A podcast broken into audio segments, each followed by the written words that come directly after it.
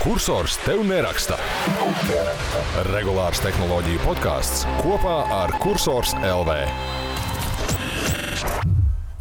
Esiet sveicināti, ko kursors to neraksta regulārā tehnoloģiju podkāstu 67. epizodē, kas ir ierakstīta 4.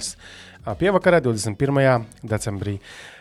Sarunā piedalās divi saguruši pusmūža vīrieši. Studijās mēs Kristaps un attālināti šai sarunai pieslēdzies Ancis. Čau! Čau. Es, es gribēju vairāk būt tas sarēnais oposums, bet nu labi.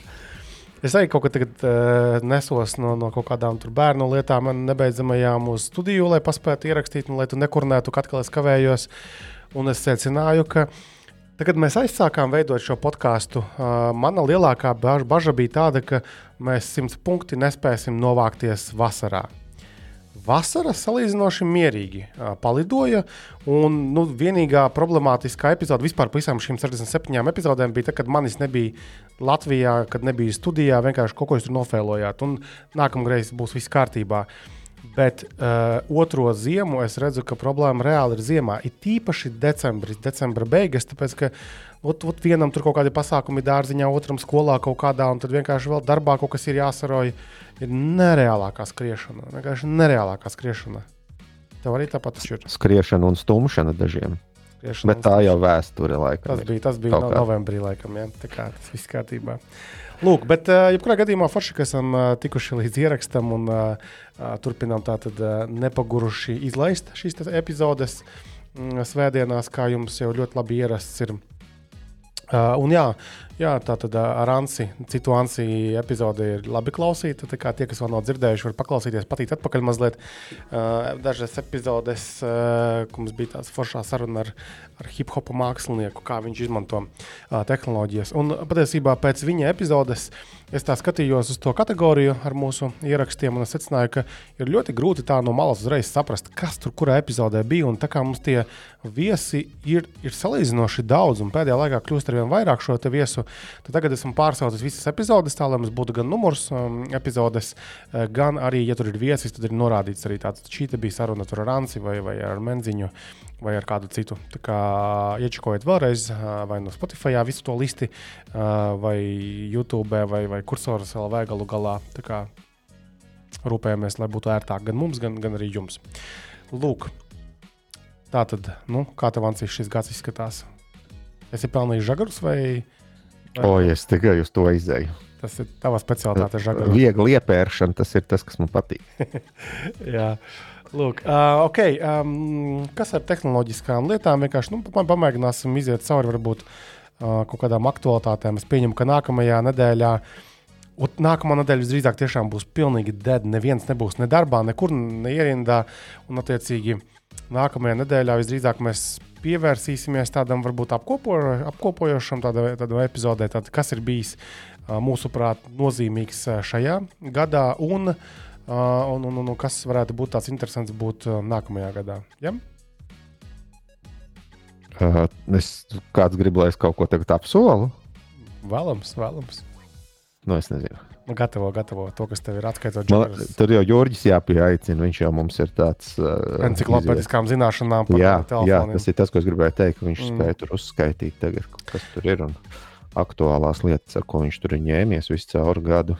Jā, tā kā Jurģis, ja tu pēkšņi klausies šo epizodi, tad zini, ka mēs tevi gaidām. Nu, bet tāpat mēs uzplīsimies tev arī noteikti arī chatiņos mūsējos. Jā, tāpēc, ka te ir divi senili, veci. Pusmūža saguruši vīrieši. Jā, mēs vairs neko nevaram paturēt prātā. Jā. Tā, tā, tā ir. Man kolēģim, runājot par šiem pusmūža vīriem, man kolēģis viņam, viņam tur viens mazs bērns bija, tagad salīdzinoši nesen otrs mazs bērns uzrādījās. Un, un reāli var, var redzēt, kā, kā viņš tagad iet cauri tām negulētajām naktīm, tam nogurumam, kas uzkrājas un kam mēs esam paši gājuši tur nu, jau daudz gadus atpakaļ. Es par to neko neatceros. Tas ir labi. Tad cilvēks var izdzīvot, tāpēc ka ļoti ātri aizmirst viss vis, uh, smagais un sāpīgais. Un tad, nu, lūk, šim kolēģim nu, nu, tāds fakaps foršs sanāca, nu, pēdiņās foršs. Viņš, viņš aizmirsa kompju paroli. Uh, tā kā pavis, nu, tā kā, prātā ir kaut kādas vienmēr idejas, kādai tai parolē būtu jābūt, bet nekas nedarbojas. Un vienkārši bums no galvas izlidojas laukā tā parole. Ir. Tā kā, Nu, tas ir jautājums, kāds ir, kāda ir darba tā, nostāja uz, uz paroļu maiņu un tā, paroļu tā, glabāšanu. Tāda arī ir tā nostāja, ka tur nevar gluži pupciks 1, 2, 3 likt tās paroles. Nu, lūk, sākās, jā, jā, jā. man te arī bija nesen uh, vienai no darba sistēmām, bija ļoti interesanti. Uh, Bet bērni lietojiet paroļus šitos glabātājus. Jā, jā. jā jo, jo mums bija uzlikts, ka tagad ir jābūt vismaz, manuprāt, desmit zīmēm, bet tā bija viena specifiska lietotne. Vismaz desmit zīmēm, no kurām pirmajās četrās bija jābūt diviem cipariem un vismaz vienai speciālai zīmei. À, jau pirmajās četrās? Jau pirmajās četrās, Fū, jā. Tas viss sarežģīja reāli. Jā, un es, es no sākuma nepievērsu uzmanību tam visam. Nu, tām instrukcijām es vienkārši uzspiedu savā paroļu ģeneratorā uzģenerēt, kas man vienmēr strādājis. Tagad viņas ļoti specifiski kaut kas tāds. Nu, varbūt tur nebija pirmajās četrās, varbūt bija pirmajās sešās. Bet tāpat es, es, es liekas, neesmu redzējis šādu uzstādījumu. Bet uh, tie, kas neizmanto paroli menedžerus, viņi parasti tās paroles uh, vienu daļu atkārto visās parolēs, un tad ir kaut kas, kas galā mainās. Nu, tur nezinu, mēnesis. Jā, piemēram, mēnesis. Es pielieku parasti mēnesi. Man ir statiskā, statiskais. Jā statiskā daļa, un tad es pielieku mēnesi, kurā tā parole ir mainīta. Un tad tu aizmirsti kaut kādā brīdī, kurš mēnesis, un tad tu mēģini iet cauri visiem tiem mēnešiem. Jā, bet tev ir op opcijas. Tu paiet vienu mēnesi, divus, trīs mēnešus atpakaļ, bet ja tu vairs pupsiks, viens, divi, trīs nevar izmantot. Jo, jo, jo atsevišķās sistēmās jau arī čeko vai neatkārtojas kaut kāda daļa tajās parolēs. Tā kā ar jā, tālu, nu, jā lai neatkārtojas ik pārreizes vai ik, ik katru reizi. Ui, šitais ir Šī ir pat trako. Jā, jā. Labi, pāriesim varbūt uz patīkamākām ziņām. Nu, ne mums, bet kādam citam. Um, Šonadēļ mēs redzējām gan, gan, gan mēdījos, dažādos, gan arī mēs paši rakstījām, ka uh, šis Latvijas e-sportists Brokī esot prēmijās nopelnījis jau miljonu ASV dolāru. Uh, tā tad uh, nu, Brokijs ir tātad tas Helvijas uh, Saukants. Ja es nemaldos, viņš nāk no Liepājas. Uh, tad, tad, tad, tad viņš ir. Uh, ko viņš spēlē? Counter-Strike spēlē, mākslinieks. Jā, C, C, CS2 konkrēti. Jā, CSGO bija rakstīts, ka viņš spēlē. Mm -hmm. Bet tagad CSGO vairs nepastāv. Jā, un tad uh, viņš ir arī komandā tajā phase, kas atkal noteikti zinātājiem. Uh, daudz ko pasaka, bet mums, kā tādiem varbūt nesekotājiem, līdzi, kas pat nezina, uz kādām ierīcēm būs pieejams GTA 6. Uh, tad, tad, tad, jā, bet, jebkurā gadījumā, uh, Forši Malacis, nu, atkal komentāros tur ir no sērijas. Sveiciens no vīda. Sveiciens no vīda. Tur bija, tad tur bija, būtu labāk strādājis, nevis spēlīt, spēlējis. Tas man patika komentārs. Un, un, un tad bija arī vienam forša norāde, ka, nu, tu, kad, tā, kad izvērsa tālāk to sarunu par to vidu, vai tā ir saimnieciskā darbība vai nav.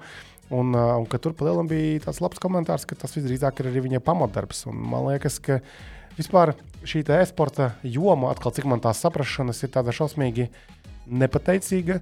Tādā ziņā, ka tev ir ļoti īss laika posms, kad tu vari būt nu, tiešām uh, spējīgs uh, performēt. Vis, tajā visaugstākajā līmenī, būt ar visu to uzmanību, ar to reakcijas ātrumiem nepieciešamajiem. Tāpēc tie jaunieši sāk jau no bērna kājas to savu cēsu uh, maukt. Uh, Un tad parasti līdz kaut kādiem 30 gadiem viņi var spēlēt, un tad paliek grūtāk. Un tad reāli tas ir principā diezgan līdzīgs stāsts. A, ko tad darīt tālāk? Līdzīgi tāpat kā. Nu, tā, tu esi savu fanu bāzi savācis un ej uz YouTube vai uz Twitch vai Streamot. Vienkārši streamot. Nu, bet tur jau nebūs tik liela nauda kā tajā e-sportā, nu, kamēr tas ir spēlētājs. Vēl dzirdēts, nu. kad par komentētājiem kļūst. Nu, tā, tā var kaut ko komentējot, šīs sacīkstas kaut kādas, kaut ko nopelnīt arī mazliet.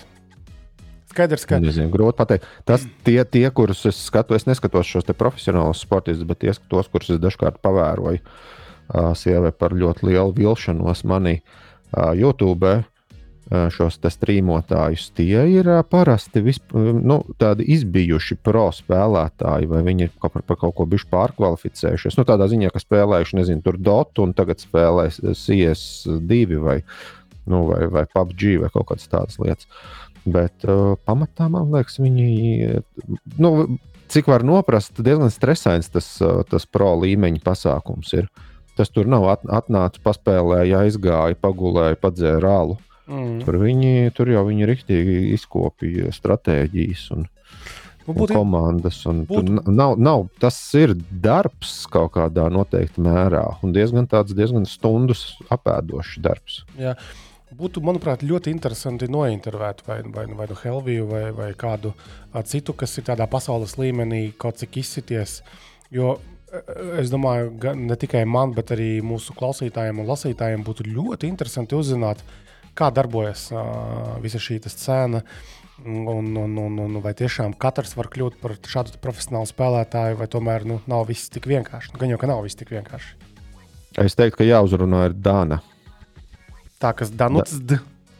Danu, cd, Es, jā, ko, es, kaut, es kaut ko vienreiz, man liekas, vai, vai ne tikai vienreiz biju riebīgu par viņu uzrakstījis Twitterī, tāpēc es nezinu, vai es gribu uh, mēģināt viņu uzrunāt. Viņa noteikti nepamanīja, tas tā ir vienīgā ziņā, jo, jo kurš kuram pamana. Um, a, ko es tad riebīgi teicu? Ah, es laikam atcerējos. Viņai um, ir, ir, ir, ir nu, kaut kāda sadarbība ar Logitech, laikam, ne, vai G-Fuel. Kaut, kaut kas ar šīm visām Gan, lietām. man liekas, ar abiem. Gan, Jā. gan Un, ar Logitech G, doto G novirzienu un G fuelu. Jā. Jā, un, un man liekas, ā, ka mana nu, pēdiņās pretenzija ā, pret, pret, pret, pret viņas saturu bija tāda, ka viņai bija kaut kādas sataisītas bildes, ā, ne te Instagramam, ne te vēl kaut kur. Ļoti tādas, ā, nu kā viņa ir, viņa ir pievilcīgas jauna sieviete. Ja? Un viņas bija tādas, tā kā, ko es kategorizētu kā sex cells. Un, ā, un man kaut kā likās, ka, nu, ka man tiešām tik tā kā. Nu, Zemu nolaisties. Nu, gan jau, ka viņa kā cilvēks ir arī forša un, un, uh, un tajā spēlēšanas jomā labi kaut ko dara. un Man tas likās tā. Uh. Bet no otras puses, nu, tā ir viņas dzīve, tas, tas ir, tā ir viņas karjera. Un, un kas mēs tādi esam, lai kaut ko baigi komentētu? Es viņai tā baigi nesakoju, bet es, es tieši gribēju pretējo norādīt, ka viņa, okay, viņa ir drusku specifiska balss. Un droši vien ir cilvēki, kam tas, kas, kam tas šķiet uh, pievilcīgi. Bet viņa kā, nu, kā, kā mm, nu, ekrāna personība, manuprāt, parasti ir lielā, tur kaut kādā pufīgā džemperī, un tur mati ir savākti. Un, Aha, nu, pu- publiski es esmu redzējis, ka tās, kas ir nu, tās streameru meitenes, ka tās parasti ir. Nu, jā, nu, tur var būt starp, starp šiem te strīmošanu šajā platformā un strīmošanu kaut kādā citā. Tur OnlyFans platformā ir pavisam, pavisam šaura tāda. ā, Tā strēmelīte tur palikusi. Tā strēmelīte parasti ir kaut kur starp dibenu vaigiem. Jā. Bet, Bet- uh, bet man liekas, Danu, ka. Dana, Dana ģērbjas ļoti nu, piezemēti. Džem, džemperīts, pufīgais, tāds mugurā un mauts, brillītis. Varbūt tas ar dažu saista. Grūti pateikt. Bet, uh, nu jā, nu redzi, forši. Tāpēc, ka man, man jau liekas, arī, ka tajā nu, st- streaminga pasaulē tur jau katrs mēģina piesaistīt uzmanību, kā spēj, un ne visi to dara ar spēlēšanu vai komentēšanu spēlē. Jo, tā kā, atkal, mēs Iespēj, nevaram. iespējams, konkrētajā gadījumā par to reklāmu tur varbūt bija kaut kāds uh, nu, šis sadarbības partnera uh, vēlme, prasība. mudinājums. Kaut, kaut mums tādas problēmas būtu. Iedomājieties, mums būtu jāfilmējas arī uh, apspīlētos leggingos. Uh, Mums, mums palūgt to vienkārši nedarīt. un, un beigtos mūsu šie ja, 311 lojālie klausītāji viss vairāk nebūtu. Tad būtu Spotify raps nākamajā gadā būtu. Lūk. ok, um, nu labi. Uh, tā kā e-sports ir labi, uh, spēlējiet spēles, kačājiet skilus un, un viss būs skaisti. Varbūt. Um, tālāk vēl no tādām aktuālām lietām. Drusku varbūt iebraucam Apple tēmā, kamēr, uh, zin kā, lai Henrijs atpūšoties, uh, tomēr, nu, uh, lai viņam silta sirdī apziņa, ka mēs tomēr tur, turam rūpīgi arī par Apple lietām. Ar Apple lietām bija tā, ka bija tādas baumas, ka Bija daudz baumas. jā. diezgan daudz baumas. Ja? Tad bija, liekas, sāksim varbūt pēc kārtas, respektīvi, ka iPad Pro planšetdatori varētu saņemt uh, MagSafe bezvadu uzlādes uh, iespēju. Um, Un tad viņi kļūtu ķipa par uh, pikseļiem, uh, planšetdatoriem, jā, ko jā, tu vari. noteikti, noteikti. Tātad, palielam, vērķis, kas ērti stāv mājās, kaut kur pielikts, uz kura tu atskaņo nezinu, mūziku. Apple domās, gan jau ka vēlams ar Apple Music, kontrolē visādus šos viedās mājas vērķus caur Apple Home lietotnī, skaties kaut kādu, nezinu, Apple TV, un tas viss smuki to pielipis pie tā lādētāja, tas iPads lādēs. Man liekas, ka kāpēc nē, diezgan loģiska lieta.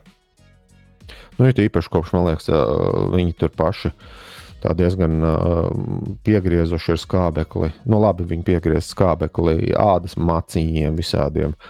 Bet, uh, ja, tev, nu, ja man būtu jāizvēlas starp, man gan nav pro iPads, kuram tagad tiek solīts tas MagSafes, bet man ir parastais uh, 2001. gada vislētākais iPads bērnam ar kaut kādu ķīniešu maciņu, lai stāvētu vertikāli tas aparāts dažkārt. Un, ja man būtu jāizvēlas, nu, pirkt ļoti dārgu tastatūras, uh, nu, to nu, doku vai kā viņu varētu nosaukt vai pirkt šādu te, ka viņš karājas gaisā un lādēs vienlaikus. Man liekas, ka es iPad gadījumā pat skatītos uz šādu te, kas lādē un ir tāds. Nu, tāds tā kā paceļ tev acu augstumā, ja tu sēdi piemēram pie galda. Mm -hmm. Jā, man tas, man tas patiktu. Bet es jau teicu, mēs, mēs jau kaut kad iepriekš runājām, iep, iep, pagājušajā reizē, ne aizpagājušajā reizē ka man patīk šis te, nu, tas Apple pieejams ar šo lipīgo bezvadu, magnētiņu bezvadu uzlādi, ka tas ir rīktīgi krūti. Viņi visādi peļami, bet šitais ir super uztaisīts. Protams, saprotami, ka Apple šo noderīgo, patiešām noderīgo funkciju sāktu ieviest dārgākā gala šos iPados. Bet tad, kad tas noslīdēs šī feature uz pieejamajiem airiem, kaut kādiem, nu, pat, pat air uh, klases uh, šiem iPadiem, tad jau būs rīktīgi forši, manuprāt. Jo man taču arī vienu brīdi bija tas iPad Air mm, ar to Magic tastatūru. Tur, tur gan nav uh, tas lādētājs mm, bezvadu. Tur vienkārši pie tās tastatūras pielīp tas, tas iPads, jo tur arī magnēti, jebkurā gadījumā ir. Un tur tikai tajos mazos kontaktiņos viņš pievienojas. Un tad, tad arī noņēma nost pieliki. Un idejas, ka sanāk tāds pats rezultāts. Nu, ka, ziņā, ka tu to tastatūru vari uh, darbināt uh, vienkārši ar magnētiem pielipinot. Tev nekas nekur nav jāsprauž uh, fiziski. Tā, tā ir ērta lieta. Tā tiešām ir ērta lieta. Tālāk, nu, labā lieta ir labā lieta, bet ir arī drusku nepārāk labā lieta. Tātad Apple ir um, aizliegums uh, importēt un arī tirgot ASV uh, jaunos Apple Watch uh, vietpunkteņus. Tur Apple Watch Series 9 un uh, Apple Watch Ultra 2. Jo uh, tur ir kaut kāds patentu. Mm, patentu, patentu tiesvedība, uh, ka respektīvi šajos jaunajos Apple Watch modeļos Apple izmantojas uh, asins uh, skābekļa sensoru, kaut kādu, eh, ka, ko esot patentējis eh, kaut kāds cits uzņēmums, tur Massimo vai kā viņš tur saucās. Lūk, un um, Apple, protams, gribēja kaut kā atstumt, atfutbolēt šo visu pasākumu. Tur vēl bija iesaistīta ASV uh, šī International Trade Commission, uh, valsts iestāde, teiksim tā. Uh, un tad pagaidām viņi ir lēmusi, ka nu, Apple tomēr nāksies uh, risināt šo jautājumu. Atcīm redzot, ka viņi tur beigs tiesāties, tad varēs atsākt varēs atsākt tirgot šīs ierīces. Jo tas Massimo Apple jau iesūdzēja 2021. gadā, un, kad, kad, kad sakot, ka, ka viņi tiešām izmanto tos dzelžus vai kaut kādu tehnoloģiju, kas ar gaismu mēģina noteikt šo skābekļa saturu asinīs. Kas man liekas, kā idejas, ka visi to mēģina darīt, kam ir šādi sensori. Tikai, redzot, varbūt ne visi aizņemas citu tehnoloģijas. Tā kā tā. Bet, nu, kā Apple Watch. Citur pasaulē pagaidām tas man ne, neesmu dzirdējis, ka, ka šī ir problēma un tur tā, tā pieejamība mm, Apple produktiem ir. Un tad tālāk vēl no tādām aktuālām lietām. Mm, tā tad Adobe tomēr neiegādāsies Figmu. Uh, tas ir Figma lietojis vispār kaut kad, ne? Nē, es, es redzēju tos virsrakstus, un es nevarēju.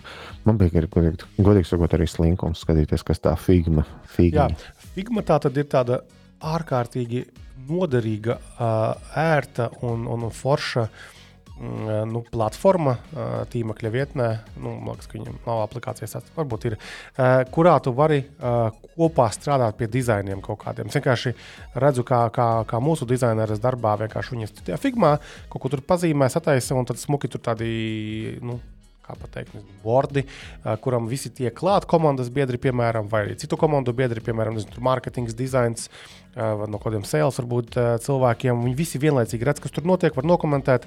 Tāds kopā dizainēšanas rīks. Un, un diezgan saprotams, ka tas ieinteresēja Adobe pirms nu, jau vairākiem gadiem. Sākās jau mēģinājumi iegādāties šo figmu. Tur bija arī darījuma summa, taču bija kaut kāda vaiprātīga 20 miljardi, jā, 20 Kaut miljardi ASV dolāri. Uh, lūk, un, uh, un tagad izrādās, tomēr, ka nu, nebūs. Jo uh, konkurences uh, dažāda, dažādas iestādes, piemēram, konkrēti Lielbritānijas konkurences un tirgu iestāde, kā arī Eiropas komisija norādīja uz bažām, ka tas uh, darījums varētu ietekmēt konkurenci. Nu, protams, ja, ja, ja, tirgus tāds senais līderis Adobe iegādājas jauno laiku, labāko, populārāko lietotni, nu, tad ir diezgan drūmi. Tad izaug milzis, pret kuru ir grūti cīnīties dejabkam citam. Tas ir mūžīgais stāsts. Uh, kāpēc nevienam nepatīk Apple vai Google, galu, it īpaši Google, uh, kas arī mēdz izspiest dažādus uzņēmumus no tirgus. Uh, tā kā Ah, jā, es, es, paskat, es paskatījos, kas tā figūra ir. Izskatās pēc. Nu, tā, tā kā, nu, nezinu, droši vien vienkāršiem cilvēkiem, vienkāršā valodā, tā skaitā arī man vienkāršiem cilvēkam. Tā kā, piemēram, tu Google dokumentus no, nošārē, un var vairāk cilvēku vienlaikus tur kaut ko darboties. nu, kopā dizainēšanas rīks, Jā, Photoshop. bet, bet tas figūras rīks, cik, cik var pēc video noprast, ir tāds nu, ļoti vienkāršs. Ļoti vienkāršs. Vienkārši, Nu, liet, vienkārši lietošanā, bet uh, ar to pietiek, ar tiem te, teiksim, rīku klāstu, lai dizainētu straujā tempā visa veida materiālus uh, tīmeklim. Uh, bukletiem visādiem. Es vienkārši es redzu, ko kolēģis man dara. Tātad visa veida bukletiem, nezinu, konferencēm, un brauc, figmā sadizainē. Kaut kādus tev vajag sataisīt smukus dizainus dokumentiem, PDF-iem kaut kādiem, tur smuki sazīmēt. Figma tiek izmantota. Materiāli sastīkliem kaut kādiem, nu, mārketinga, figma. Viss ir figmā. Tā kā, jā, izskatās viegli, bet, uh, bet, bet, bet, bet, bet ir krietni nu, spējīgs rīks. Es, protams, nu, tā kā praktiski nelietoju, jo dizaina izpratnes man ir diezgan necīga. Kā žirafei. jā, bet no Adobe būs jāmaksā 1 miljards ASV dolāru figmai par šo te nenotikušo darījumu. Bet arī tas viss iepriekš bija saskaņots. Nu, bet labi, kas tādam Adobe miljards dolāru? Nekas jau tas tāds baigi nav. Kā mums viegli runāt par svešu naudu, ne? Um, tad div, divas ziņas bija šonadēļ mm, par um, ierīču labošanu.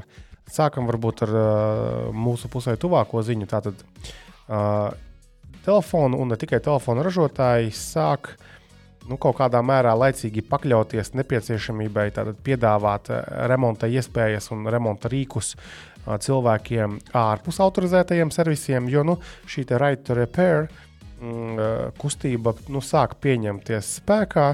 Un, lai neatrautos kompānijas uz lieliem sodiem, kaut kad pārskatāmā nākotnē, daudzas laicīgi sāk izveidot programmas, daļā gadījumu jēgpilnas, daļā gadījumu tīri ķeksīša pēc. Piemēram, es tagad skatos uz Apple ti- konkrēti, jo kā viņi piedāvā šos te, un arī Eiropā jau sāk piedāvāt daļai savu ierīču, kad o, ot, mēs varam piedāvāt komplektu, ā, nu, par maksu, protams, ar kuru tu, piemēram, vari nomainīt um, displeju. Es kaut kad nesen pamanīju interesantu video, uh, kurā bija parādīts, ka okay, viņi tev atsūta vienā sūtījumā mazu kastīti, nu, nepārāk lielu, kurā iekšā ir plēvēs ietīts displeja, uh, tas stikliņš, vēl tur kaut kādi sīkumiņi, un tad atsūta uh, milzīgas, nu, tā kā reāli pa pusgaldu vienu kasti, otru kasti, kurā ir kaut kādi ārkārtīgi smagi.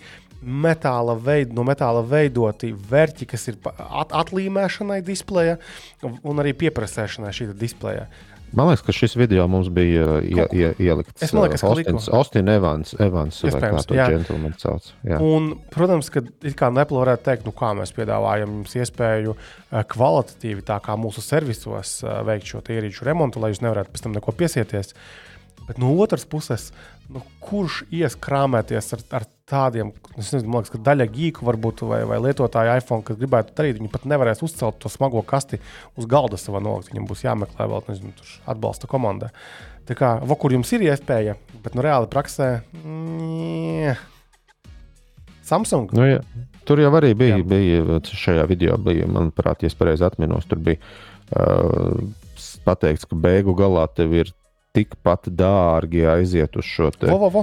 Apple to Genius bāru vai kā viņiem Amerikā sauc. Un kur tev nekas nav jādara? Vienkārši atstāj Jā. telefonu un bams, viss nomainīt. Tev ir, nul, nulle uh, risks. Tu nevari Arī. neko tur nomest, salauzt, saplēst, saliekt, Jā, jā. ne, neatlīmēt līdz galam un tā tālāk. Nu, tas laikam maksā, beig galā tas bija 20 dolāri vai 10 dolāri dārgāk aiznest vienkārši uz šo, uz šo Apple servisu. Nu, tādā ziņā, ka izmaksas bija pie, pie 350 vai kaut kas tāds dolāriem tā kopējā tāma, ja tu pats labo un laikam tur 20, nu es tagad ļoti aptuveni saku.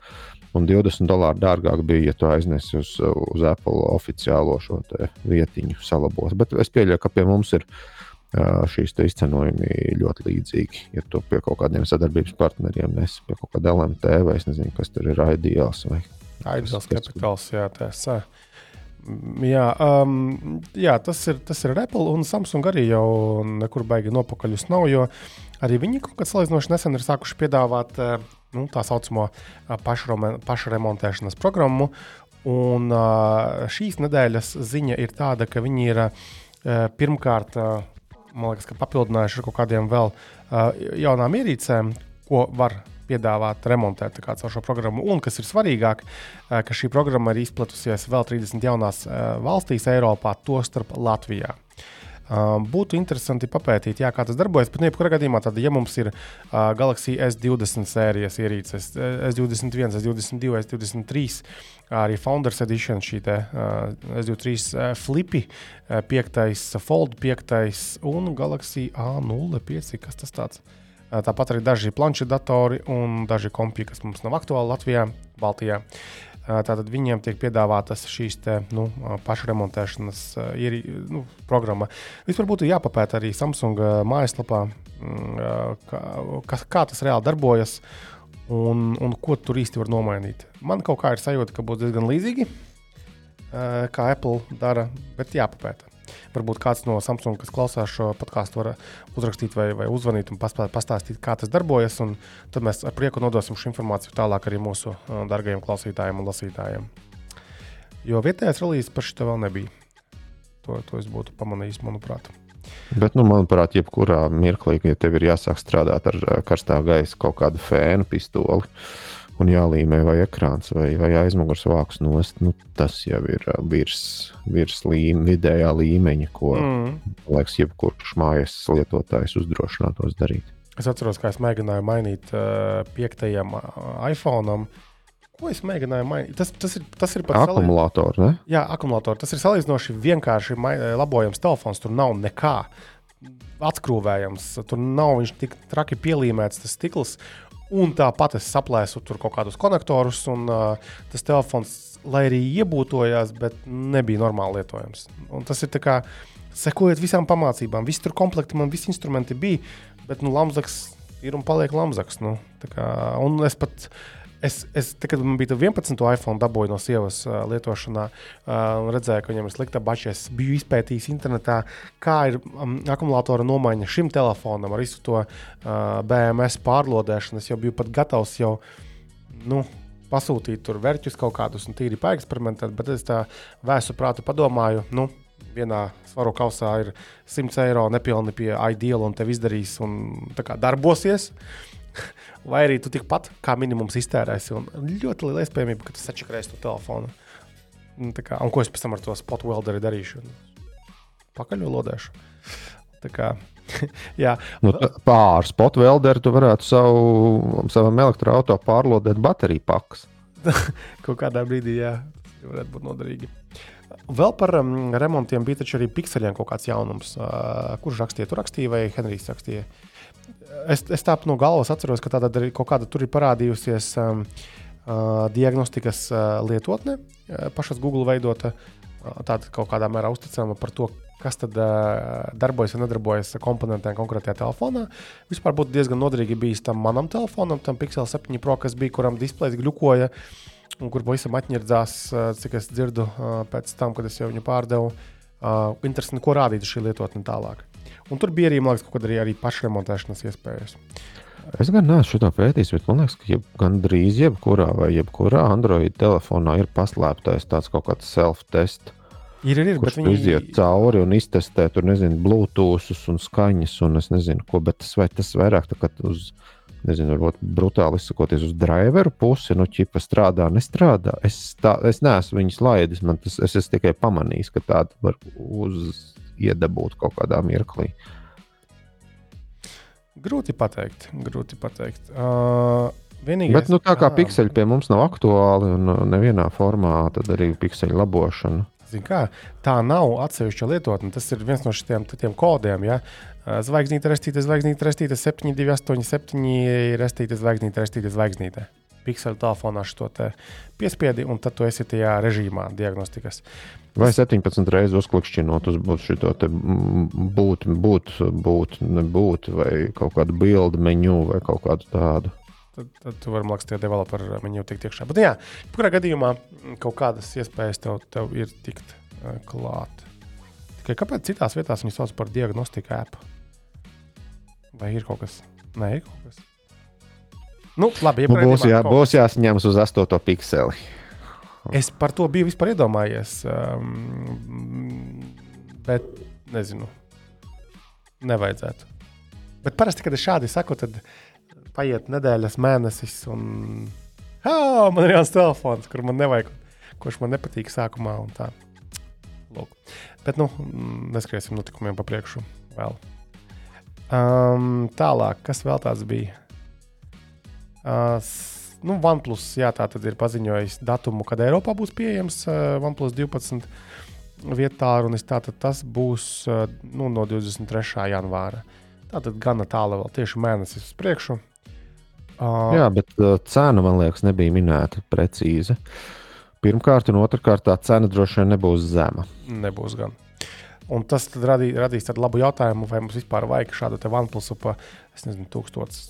Nē, Man liekas, ka, man liekas, ka OnePlus mēs, mēs te bišķi vēlāk parunāsim par droši vien MK, MKBHD tiem vārdiem, vai neparunāsim, vai to mēs atliksim uz nākamo reizi. Es, es domāju, ka nākamajā tas tāds apkopojošais varētu būt. Jā, bet uh, nu, es, es noskatījos to video, mēs par to varam parunāt. Bet uh, es gribēju piebilst, ka Tad runājam pēc šīs. no lādētie tie vietāluņi, viņi ir tik vienādi palikuši. Uh, labi, tad par MKBHD. Tātad šis te Henrija mīļākais uh, YouTube. Par, ko es gribēju pabeigt Jā. par, par OnePlus? Ka Man liekas, ka OnePlus sāk ar savām cenām piekāpties jau citiem, kas tur nāk lētāki.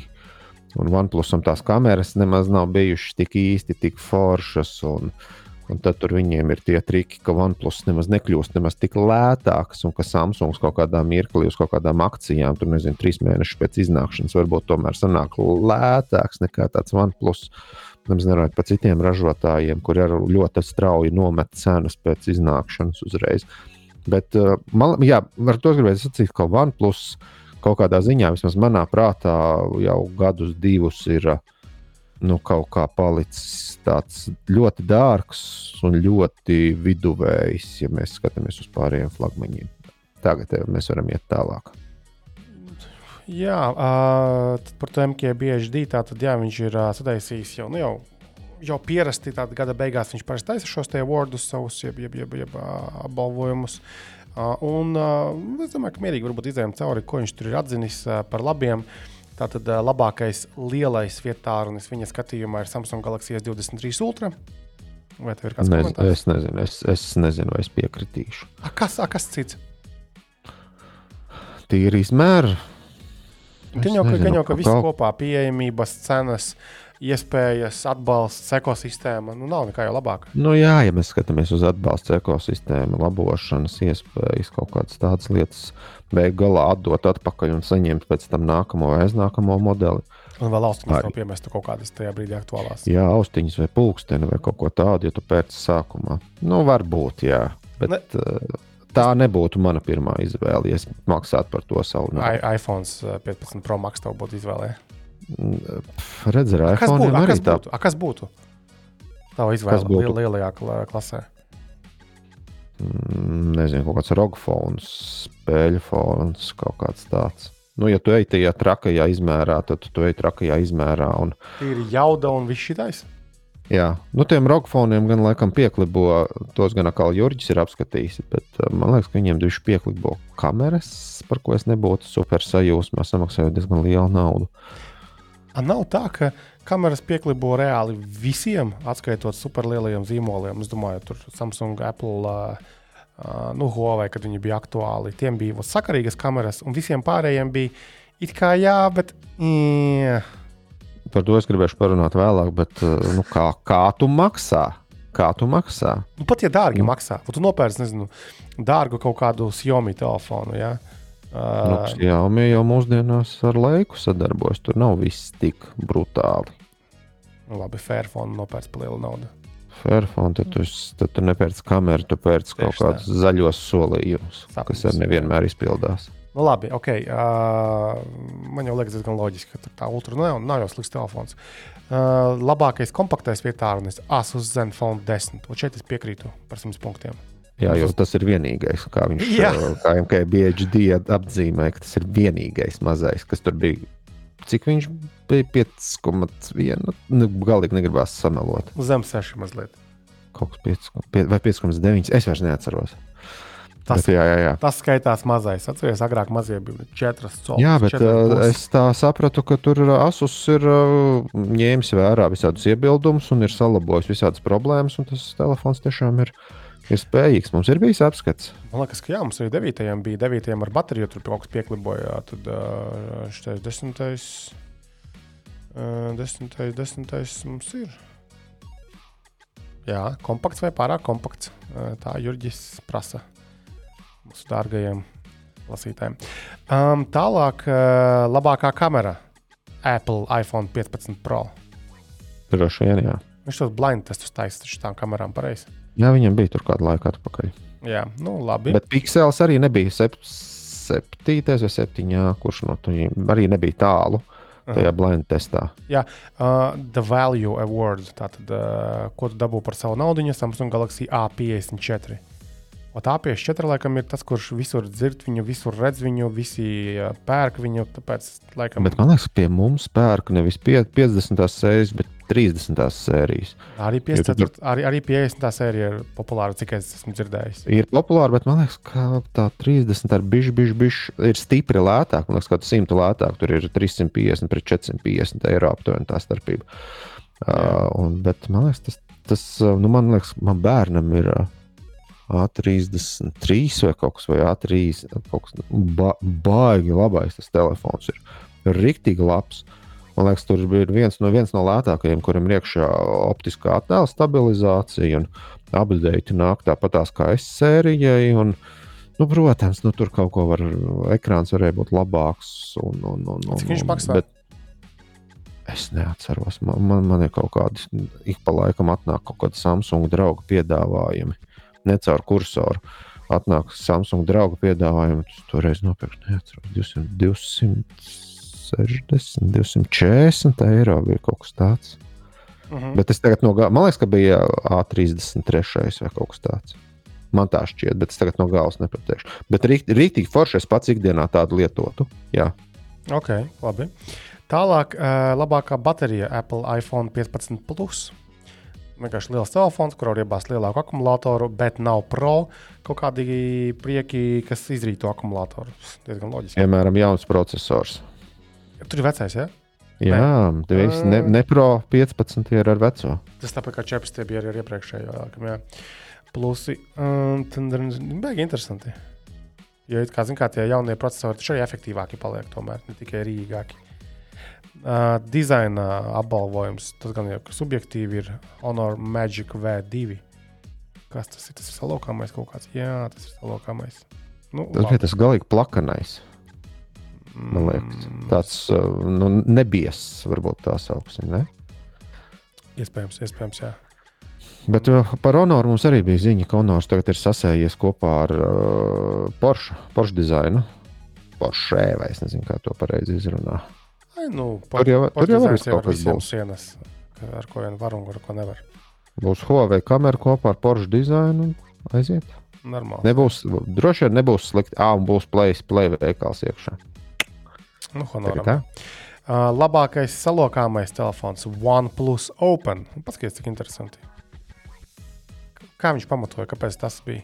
Tāpēc, ka bija laikam tur plānāks, tur laikam bija ārējais ekrāns, bija saprātīgāks, aizvērās plakanāk, atvērās ar būtiski, būtiski mazāku to saburzījuma vietu, kad salīdzina ar kaut kādu Samsung vai kaut ko tādu. Uh, par to es arī gribēšu, varbūt bišķi vēlāk, ja es atcerēšos parunāt. Bet, uh, jā, tā kā saliek kopā, man liekas, mums uz rokām tas uh, OnePlus lokanais nav bijis.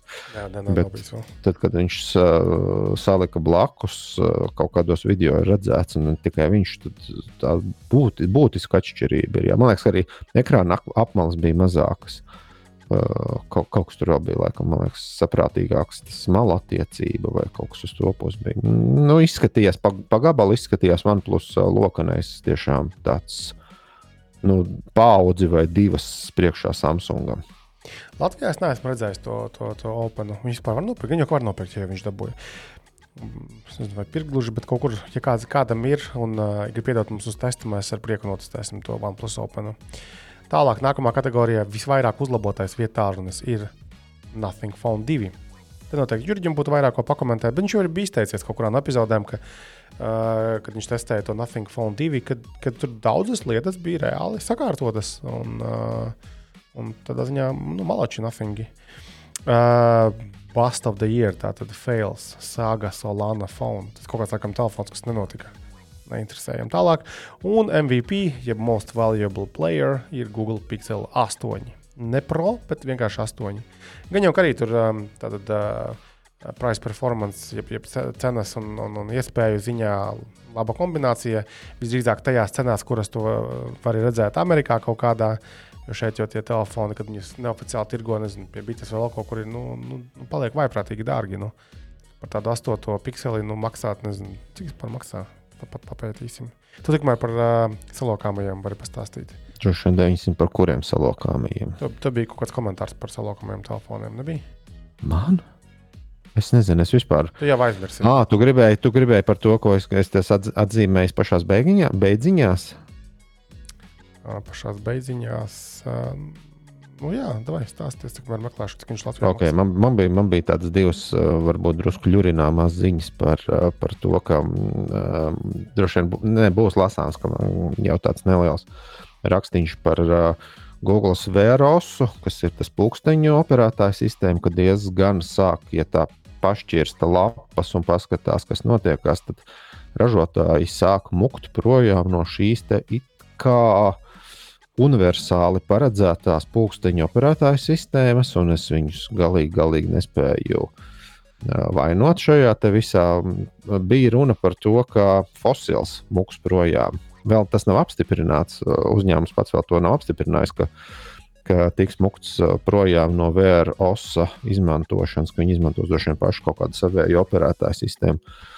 Un, cik es atradu internetā, tad izskatās, ka, piemēram, ir tāds sporta pulksteņa ražotājs kā Sunto, kuram bija Sunto 7 modelis ar VROSu iekšā. Un, un vairs tas nav aktuāls, un nekas jauns arī nav iznācis. Es gribētu droši vien mēģināt secināt, ka Sunto arī ir aizmucis projām no šī Google VROSa.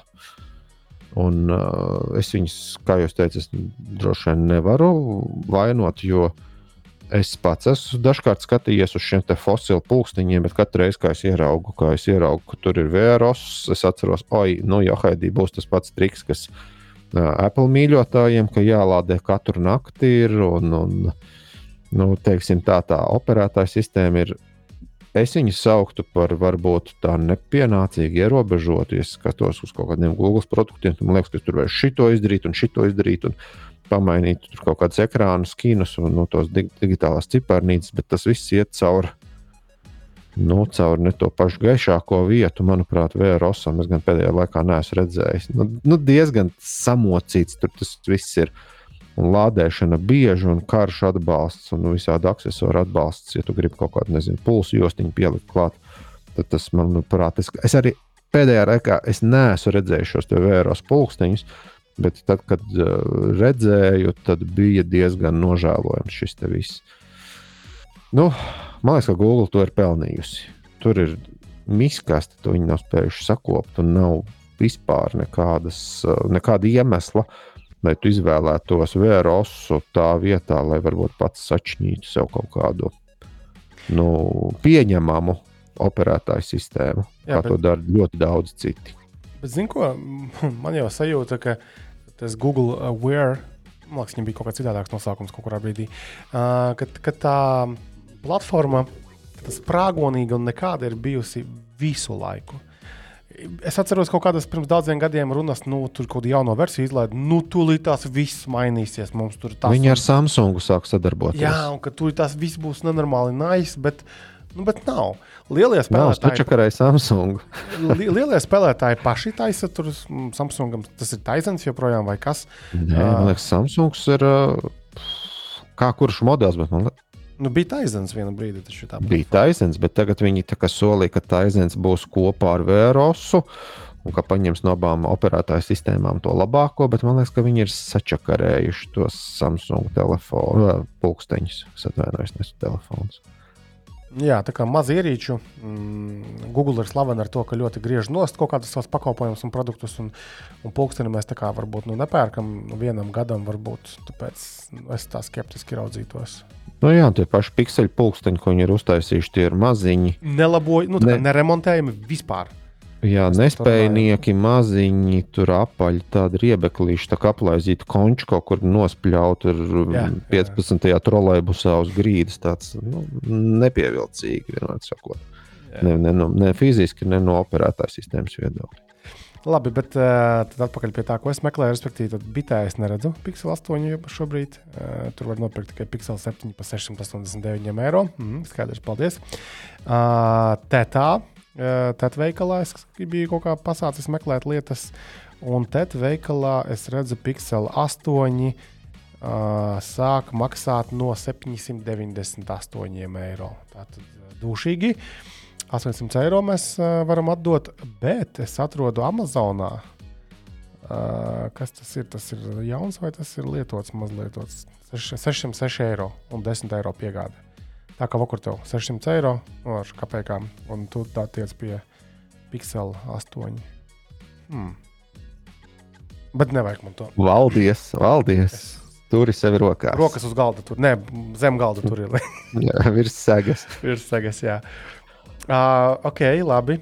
Uh, un kas tev bija vēl par uh, rants par uh, telefoniem garlaicīgi? O, jā, par vietāluņiem man bija drusciņš tāds uh, individuāls, privāts novērojums, ka mums jau vasarā mēs ar Jurģi, mums vienam, vienam bija Fold 5 no Samsung, un otram bija Flip, Flip 5 uh, no tā paša Samsung. Un uh, mēs abi pilnīgi nesaistīti. Tā kā mums bija tie virsraksti, ka uh, nu, Samsungs ir sācis iebuksēt un nost pēc vecās mammas skapja, un kas tik tur vēl nebija.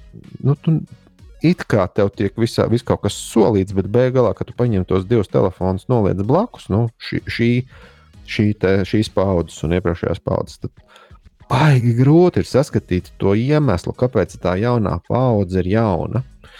Um, tas ir Samsung gadījumā, um, tas noteikti ir arī citiem, bet tagad es. Um, Es pats pēc, pēc Jurģa apskata tiku pie, es, es jau gribēju tam Kristapam kolēģiem atņemt par nelielu, bet godīgu atlīdzību, bet es pats tiku pie Xiaomi 13T modeļa. Tas ir tāds nu, drusku uz lēto pusi, lētu cītis, ar, bet ar laikas kamerām iekšā un tā, un 67 vatu lādēšanu. Un, un 1080p plus ekrāns ar 144 Hz, ja nemaldos. Un, un, un, man liekas, ap 5000 mAh ir akumulators. Nu, kaut kāds tāds visai vi- nu, viduvējā, à, viņam ir arī mediatek processors, žirgts, bet mediateks. Un, uh, ja nemaldos, 4 gadu update sola un viss kaut kas tāds. Bet es iepriekš biju 11T modeļa īpašnieks. Nu, laikam, jāsaka, ka vēl ar vienu esmu laimīgais. Un man ir jāatzīst, ka ja šos divus vietu tālruņus ar visiem iepakojumiem, ar slādētājiem un tā tālāk noliek blakus, neapgriežot uz, uz, uz, uz mutes, tādā ziņā, ka neredzot aizmugures, ir baigi grūti pateikt iemeslu, kāpēc man to jauno telefonu vajadzēja. Ekrāns ir, nu, ok, ekrāns ir kaut kādu nieku labāks kļuvis, bet neskatoties uz tiem herciem, bet vienkārši kaut kāda tāda sajūta, ka tur bija tās krāsas, ir precīzākas vai, vai dabiskākas. Bet tā pateikt, ka, oh, jā, re, kur ir uh, divus gadus uh, jaunāks modelis, tur pilnīgi to nevar. Vienkārši tie telefoni ir identiski. Ok, apgriežot otrādi, tur var jaunajam 13T ir uzraksts Leika, un tas kameras modulis ir tāds rīktīgi izbāzts ārā, par ko man, protams, ir bail, kas viņu sasitīšu. Mēs saskrāpējuši. Nu, tas ir diezgan nesmuki uztaisīts, manuprāt. Nē, nu, vizuāli pievilcīgs, vai varbūt nu, labi, vizuāli neitrāls, vērtē kā gribi, bet nu, tāds izcelts ārā. Man liekas, ka tas beigsies kaut kādā mirklī slikti. Par to man ir drusku bail, un viņi paši ir uztaisījuši tādu tā kā, diezgan izceltu uh, šo te mm, coverīti līdz iedoto, kas, nu, it kā sargā tās kameras, bet nu, man vēl ar vienu nav pārliecība. Bet kopējais tas tā sajūta ir, ka baigi, baigi ir apstājies viss, kas ir saistīts ar visādiem jaunievedumiem, kaut vai uh, lādēšanas, jo nu, vi, visu laiku viss kaut kas tiek solīts, bet, kad tu noliec to divgadīgo vietu un blakus gan arī pilnīgi svaigam, nu, tur pāris mēnešus iznākušam. Nu, tu nevari atrast to starpību, kas, kas būtu iemesls, lai tu to jauno pirktu. Tāds spēcīgs iemesls. Nu, ja, ja vecais nav sas, sadauzīts un galīgi nolietot akumulātoru, tad, pff, ja tu neliec kaut kādu cenas ziņā, kaut kādus, nezinu, 200, 300 eiro augstāk, tad nav jēgas. Vienkārši nav jēgas. To es saku kā, nu, kā kursoru pārstāvis. Ui, mm. nē, nu, nē, nē, nē, nē. Kā, kā privāts lietotājs. Kam nekāda sakara nav. Jā, um, nu, jā bet a, ko tu gribi uh, telefonā? Tādu? Kaut ko citu. Es nezinu, ko es gribu. Es nezinu, ko es gribu. Jo tad, kad to pavērtos uh, ražotāji tās lapas vaļā, tur tiek solīts, nezinu, tur ķīseļu upes un ne, ķīseļu krasti un piena upes un kas tik vēl ne. Bet faktiski tur tev ir piečiņa, nu tev ir drusciņš cits kameras softs. Un tev ir optiskā, nu, tam 11T nebija optiskās attēlu stabilizācijas iekšā. Vai nav, ir, vai, vai nav tā, ka vienkārši tie uh, dzelži un tās iespējas šādas tipa produktā ir vienkārši ir, nu, nezinu, maksimāli. Mūra likums ir beigts. Ja? Nu, uz to pusi. Iespējams. Jo, jā. Tā objektīvi ir augoties. Protams, ka varētu nezinu, tur iestrādāt iekšā 56, 56 kā izšķirtspēju, nezinu, kamerai vēl kaut kam, piemēram. Bet kāda jēga, ja tāpat visi lieto 4K maksimums televizorus? Nu, varbūt daži atsevišķi nopirkuši kaut ko lielāku. Nav nekādas jēgas. Uh, datu pārraides, kaut ko tur, nu, taču kādas, kādi ārā mobīlē interneti vai interneti ir, nu, nu tādi viņi arī ir. Nu, labi lietotnēm kaut kāda veiktspēja, nu, labi veiktspēja gan palielinās kaut kādā brīdī. Vienīgais kaut kādus bateriju varbūt breakthrough, nu, lai to ierīci nav jālādē katru dienu, bet nu, tas būtu interesanti. Bet acīm redzot, laikam vēl tās uh, bateriju tehnoloģijas, nu, tie solid state baterijas, laikam vēl nav tur. Uh, nu, lai varētu atļauties ieviest. Bet arī kāda jēga no ražotāja. Vienmēr to jāskatās arī kādas intereses ir tam ražotājam. Ražotājiem ir svarīgi, lai mēs kā aitiņas pirktu telefonus ik pēc pāris gadiem, nu, domāju, pārsvarā. Tāpēc tas arī izskaidro visdrīzāk kaut kādā mērā, kāpēc mums ir pēkšņi tādi incrementāli update jau pēdējos septiņus gadus, ne vairāk. Nu, jā, bet tā baigi neinteresanti ir kļuvusi pirkt jaunu telefonu. Pat ne, pēc, ne katru gadu lekt nākamajā, bet pēc diviem. Es biju, okay, es biju gaidījis, ka pēc diviem gadiem tā starpība būs lielāka. Ok, jā, tas jaunais ir tur bijis plānāks un pēc sajūtām droši vien ir uh, drusku uzlabots processors, tādā ziņā, ka ilgāk tur akumulators, bet ir ļoti grūti novērtēt divu, divu, divus gadus diezgan pamatīgi lietotu akumulātoru ar pilnīgi svaigu akumulātoru. Bet nav tās, tas, uh, tāds, ko tu samainīji. Nezinu, man nekad nav Galaxy S sērija pied, piederējusi, bet nu, tā, tu starp, nezinu, starp trešo un piekto nu, Galaxy S sēriju, vai kas tur bija. Nu, tā trešā bija jau tas pir pirmais, kas tur bija lietojams, un piektais bija tas uh, Galaxijas ar uh, žiguļa to jumtiņu, to caur, caurdurto. To, pakaļiņu. Bet tur tu redzēji atšķirību kaut kādu. Mūsdienās ir. Nu, Drīzāk... Tiešām, kamēr, kamēr tev tas telefons iet, kamēr tev update nāk, tu viņu lieto. Un tu neskrien pirkt nākamo. Man liekas, ka tas ir nu, no lietotāja puses baigi neinteresanti, bet uh, no ražotāja puses būs grūti atņemt naudu kaut kādā mirklī.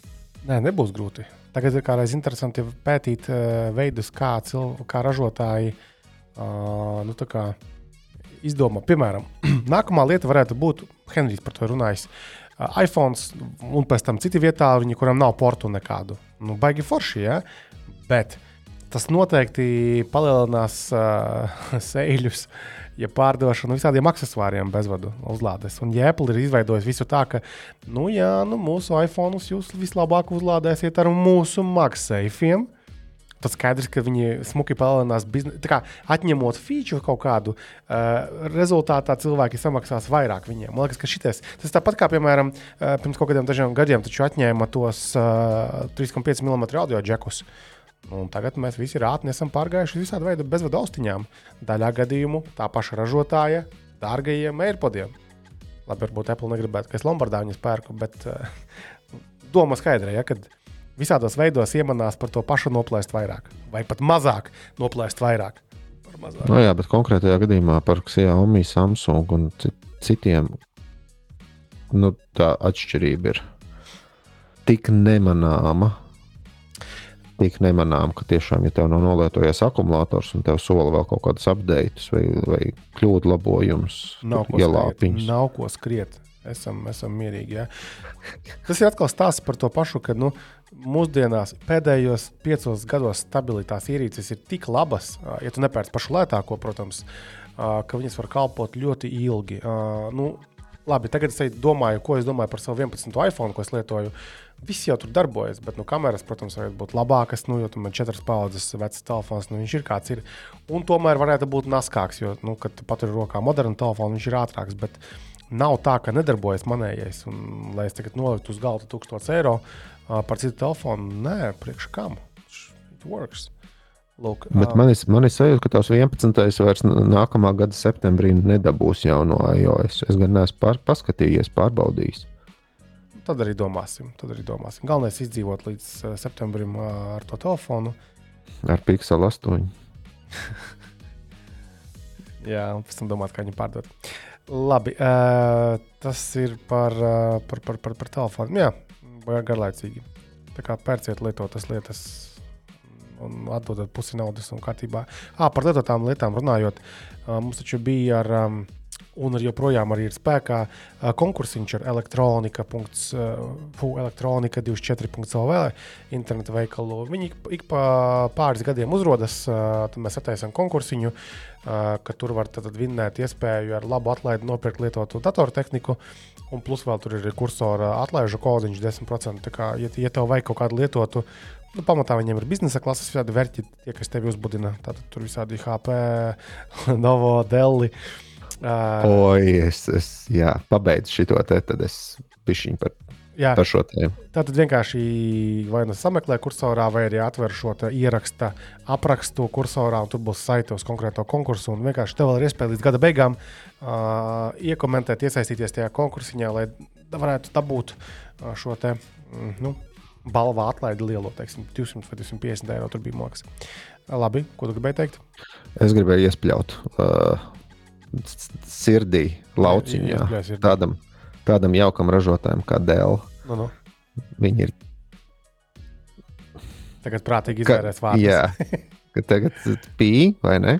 Nu. Jo, uh, ja paņem un paskatās dažus diezgan vidējas popularitātes un cenas uh, viņu klepdatorus un tā ļoti, ļoti paroks tehniskajā specifikācijā. Uh, tad atrodas, ka, ja tu nepērci pašus uh, top of the pops dārgos modeļus, tad iespējams, ka tavam inteliskajam dēlam būs ierobežots HDMI uh, izējas izšķirtspēja pie 1080p. Ne, arī nu, 1080p, plus, kas būtu ar to 16 pret 10 izšķirtspēju. Vienā sakot, ja tu gribēsi pie sava bišķiņa lētākā, it kā biznesa klasītes deliņa pieslēgt klāt uh, nu, 1440p vai 4K ekrānu, tad tev tas izdosies ar tādu tā kā vieglu blūru efektu, jo ies tikai 1080p izšķirtspēju. Mm -hmm. nu, pie, es uh, savos meklējumos sacitos pret šādu, diemžēl efektu, defektu. Bet tas ir, cik es sapratu, tas ir inteliskajiem līdz 12. Intel paudzes procesoriem ieskaitot. Tie, kas iet jau 13. paudzē, tiem man liekas, vairs nebija, bet es simtprocentīgi nevaru apgalvot. Un tiem, kas bija AMD, tiem vairumā gadījumu, ja tos modeļus, ko es apskatīju, tiem arī nebija šādi ierobežojumi. Tikai kaut kādi 11, 10, 11, 12, nu, 11, 12 paudzes inteli, inteļiem tā varēja gadīties, ja tu pēc kaut kādu. Uh, man liekas, ka Vostro, Vostro sērijas kaut kādiem bija. Bet uh, uzmanīgi, ar dēlu baigi uzmanīgi vienmēr sakot. Ja tu gribi bišķiņi ietaupīt naudu, tu nopirki kaut kādiem 600, 700 eiro. Nu, ķīpa biznesa klases, tur nezinu, tur kaut kāds 14, 15 solis. Tad var būt šādas nianses. Tā kā baigi uzmanīgi, super uzmanīgi lasām tehniskās nianses. Mm -hmm. Ok, labi, paldies.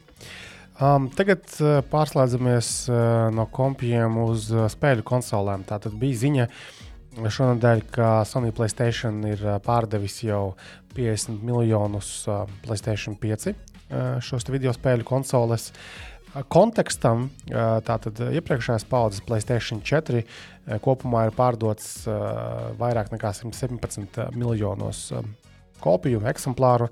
Tad nu, piektais plēsis ir nu, pusīte pagaidām.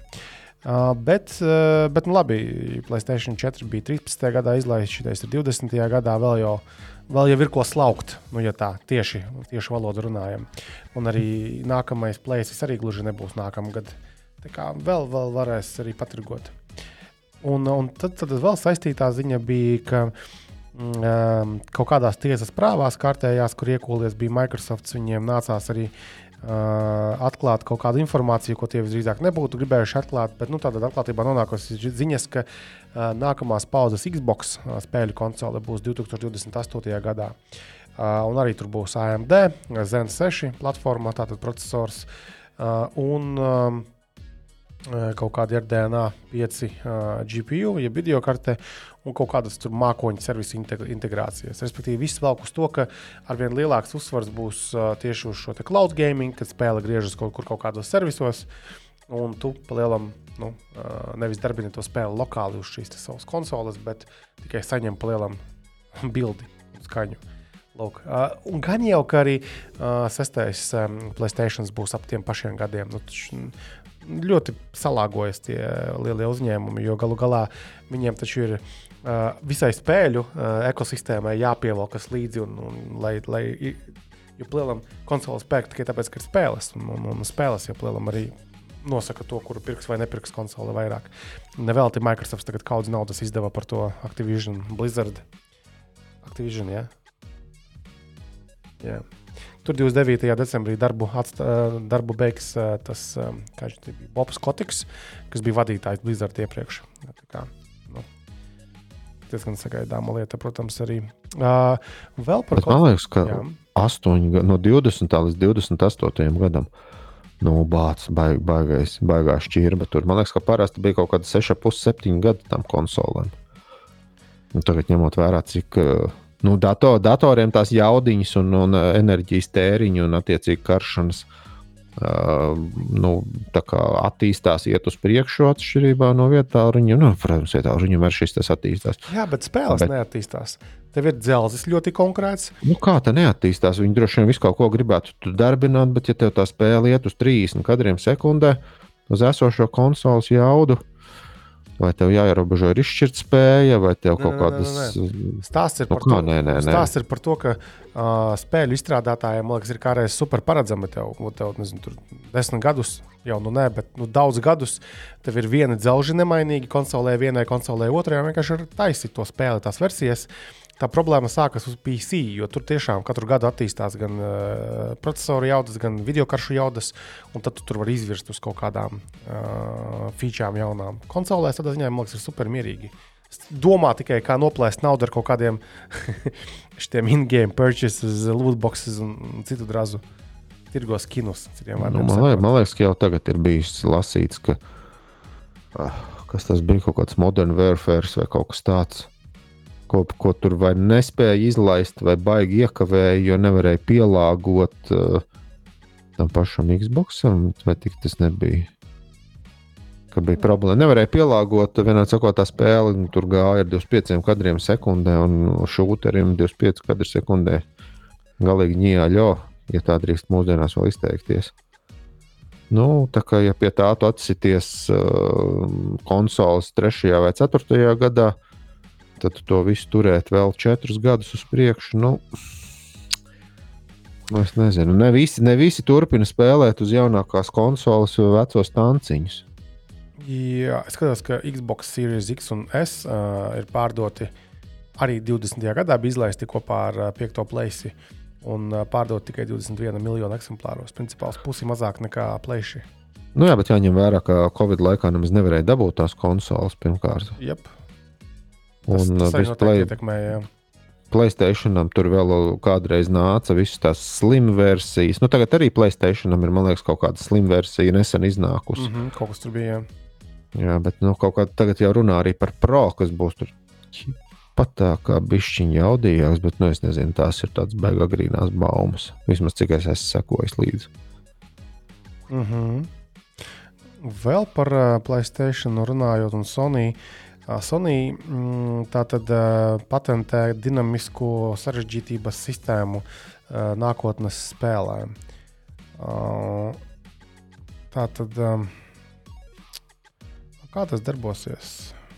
Nu, tā kā uh, dinamiskā grūtība uh, pielāgojas tam, kā tu spēlē, bet labi, tas jau nav nekas jauns. Tas jau ir spēlēs redzēts jau, jau gadiem ilgi. À, un te vēl ir arī, ka, laikam, kas savāks informāciju no tā, kā spēlētājiem iet dažādās spēlēs. Um, kurās ir varbūt dažādas situācijas, kaut kādas, nu, kādas spēlētājiem ar to sanāk tik galā. Uh, baigi interesanti, ja, ja, ja sāks ņemt vērā informāciju par to. Kaut gan, kāpēc ne? Man liekas, ir īpaši konsoļu pasaulē, tas ir super saprotami. Visi tie achievementi uh, nododas informācijai tālāk kaut kādam klaudam vēl kaut kur un uh, papētīsim, kad tas iznāks. Varbūt Nu, būsim godīgi, dažkārt tie achievementi ir, tu esi ielogojies eh, trešdienā, 2. novembrī vai kaut kā tā, un Jep. tev ir achievements rokā. Nekad neesmu vācis, un nekad nav, nav, nav bijis interesanti ar to. Ok, uh, labi, spēlēs ir spēlītas, bet uh, tagad par nopietnākām lietām, par mašīnām. Diezgan daudz ziņas, tā skatos, ir salasījies šodien par kaut kādām interesantām tehnoloģiskām ziņām ar mašīnām. Tātad nākamās paudzes Apple CarPlay uh, šī sistēma, uh, kas ir iebūvēta mašīnā, nevis no telefona darbojas.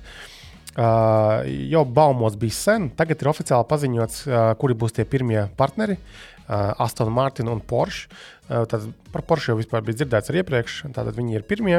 Mm, uh, un uh, oficiāli tas tika rādīts un, un, un prezentēts uh, CESA, jeb uh, Consumer Electronics Show, kas notiek gada sākumā parasti. Lasvegas, nu, es parasti, bet vienmēr Lasvegasā pēdējos gados. Un, un jā, tad tas, CarPlay tajās modernajās, jaunajās mašīnās, protams, diezgan dūli izskatās, ka tev ir displeji vairāki, ne tikai multimediju displejs tur konsolē, bet arī, teiksim, mēra instrumentu panelis, kas ir izstiepts pa visu auto, nu, to, no, no vadītāja līdz pasažieriem. Un tagad Apple uh, varēs kontrolēt nu, tajā sistēmā, CarPlayā. Vispār diezgan smuki izskatās.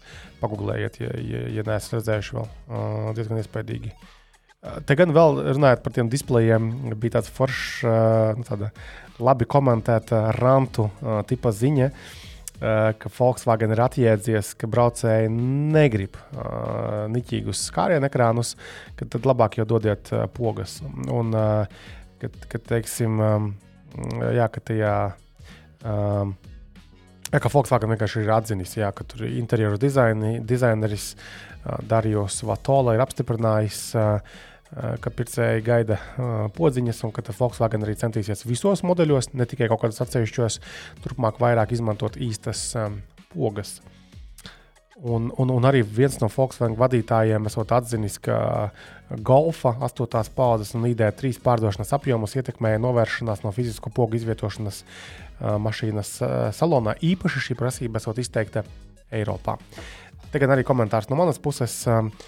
Nu, ar tiem displejiem, jā, protams, ir daudz, bet ar tiem displejiem ir nu, daudz problēmu. Tādā ziņā, ka, piemēram, Audi gadījumā tas, tā, tā, tā saskarnes tajos displejos manā ieskatā izskatās neglīti, bet tas ir labi subjektīvi.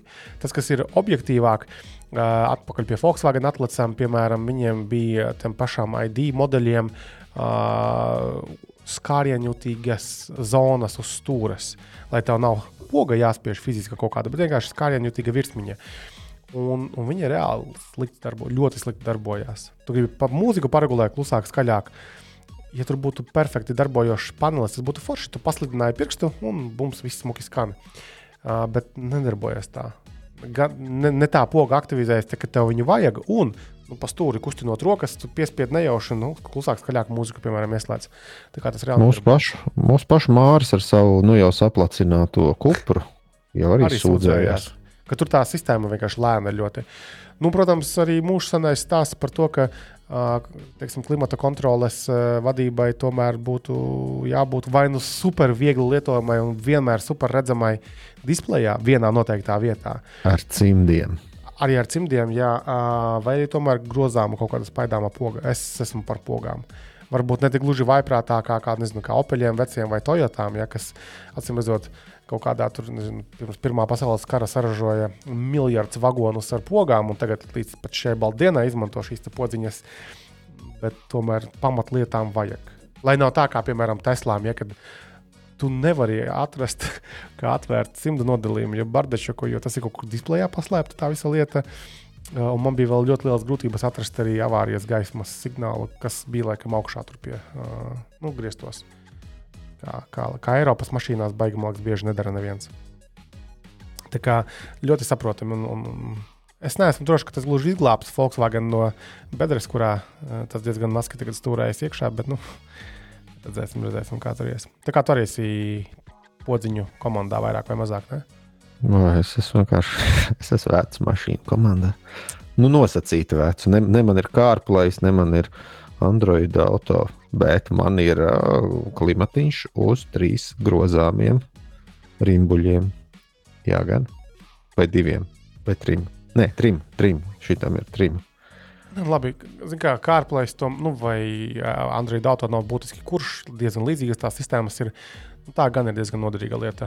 Man pat nevajag īsti, lai ar bezvadiem būtu vienkārši ar vadu piesprādzies, un tā telefons lādējas, un tev ir veids kaut kāds, un nezinu, Spotify. Un, un tā kā, pie tā gan pierod. Protams, ka es varētu braukt arī ar mašīnu, kur tas nav.